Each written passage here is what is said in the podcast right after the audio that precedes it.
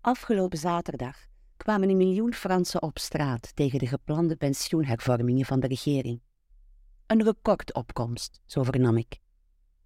Ben de luie leeghangers die Fransen.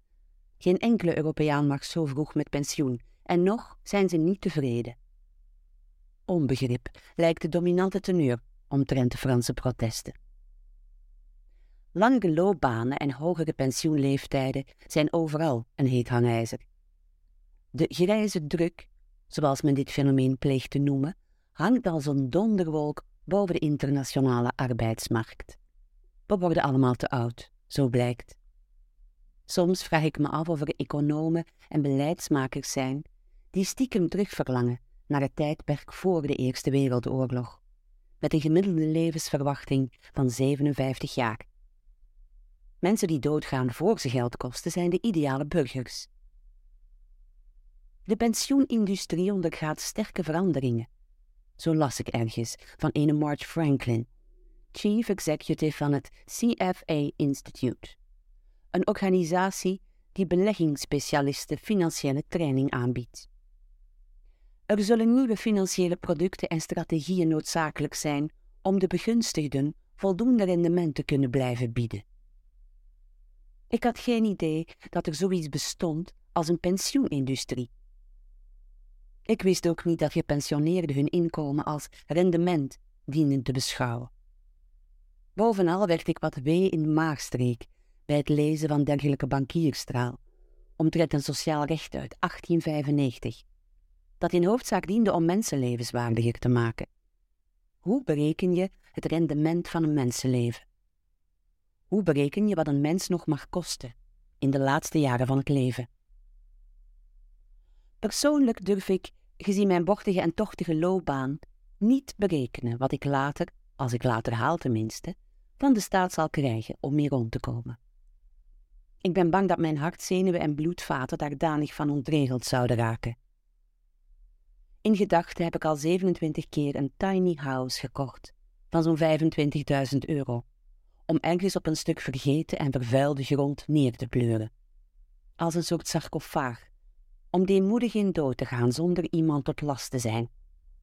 Maar ja, boeken kan je verbranden.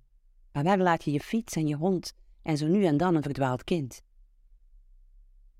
Een kennis met verstand van financiën liet mij verstaan dat ik me beter wel mee bezig kon houden, met dat hele pensioengebeuren.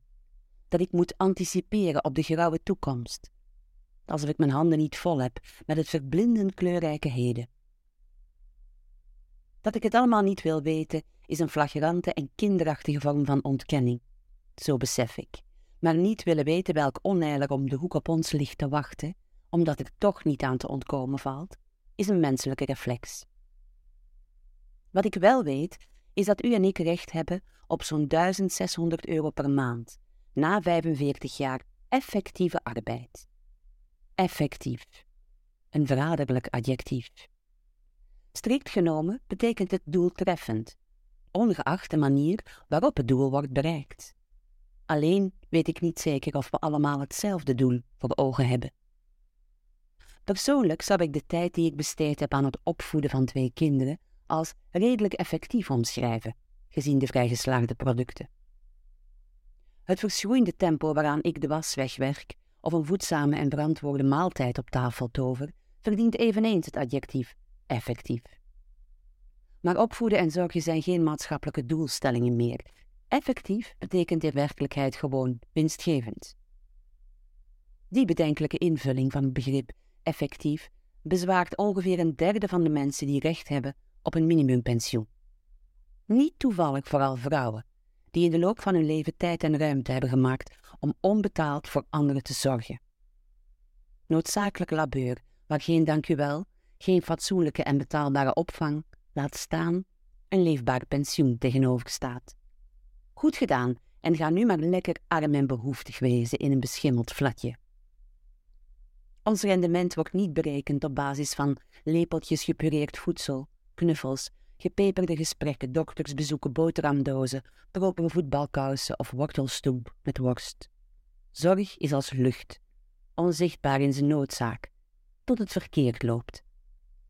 Het is pas wanneer de kinderen iets mispeuteren of de bejaarde ouders schulden krijgen omdat hun facturen de vlucht omhoog nemen, dat je er ineens toe doet, dat je gevonden wordt, al is het maar om je met de vinger te wijzen. Wie bijdraagt, heeft recht op een hoger pensioen. Bijdragen. Nog zo'n woord als een valkuil vol giftige adders.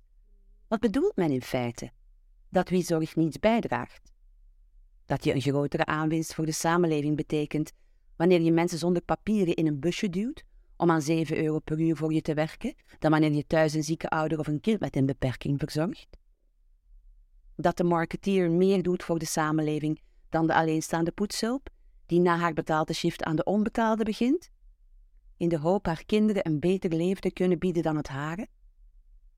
Leven de flinke bijdragers die hun eigen zorgwerk outsourcen aan onderbetaalde mensen die niet genoeg verdienen om een brooddoos mee te vullen.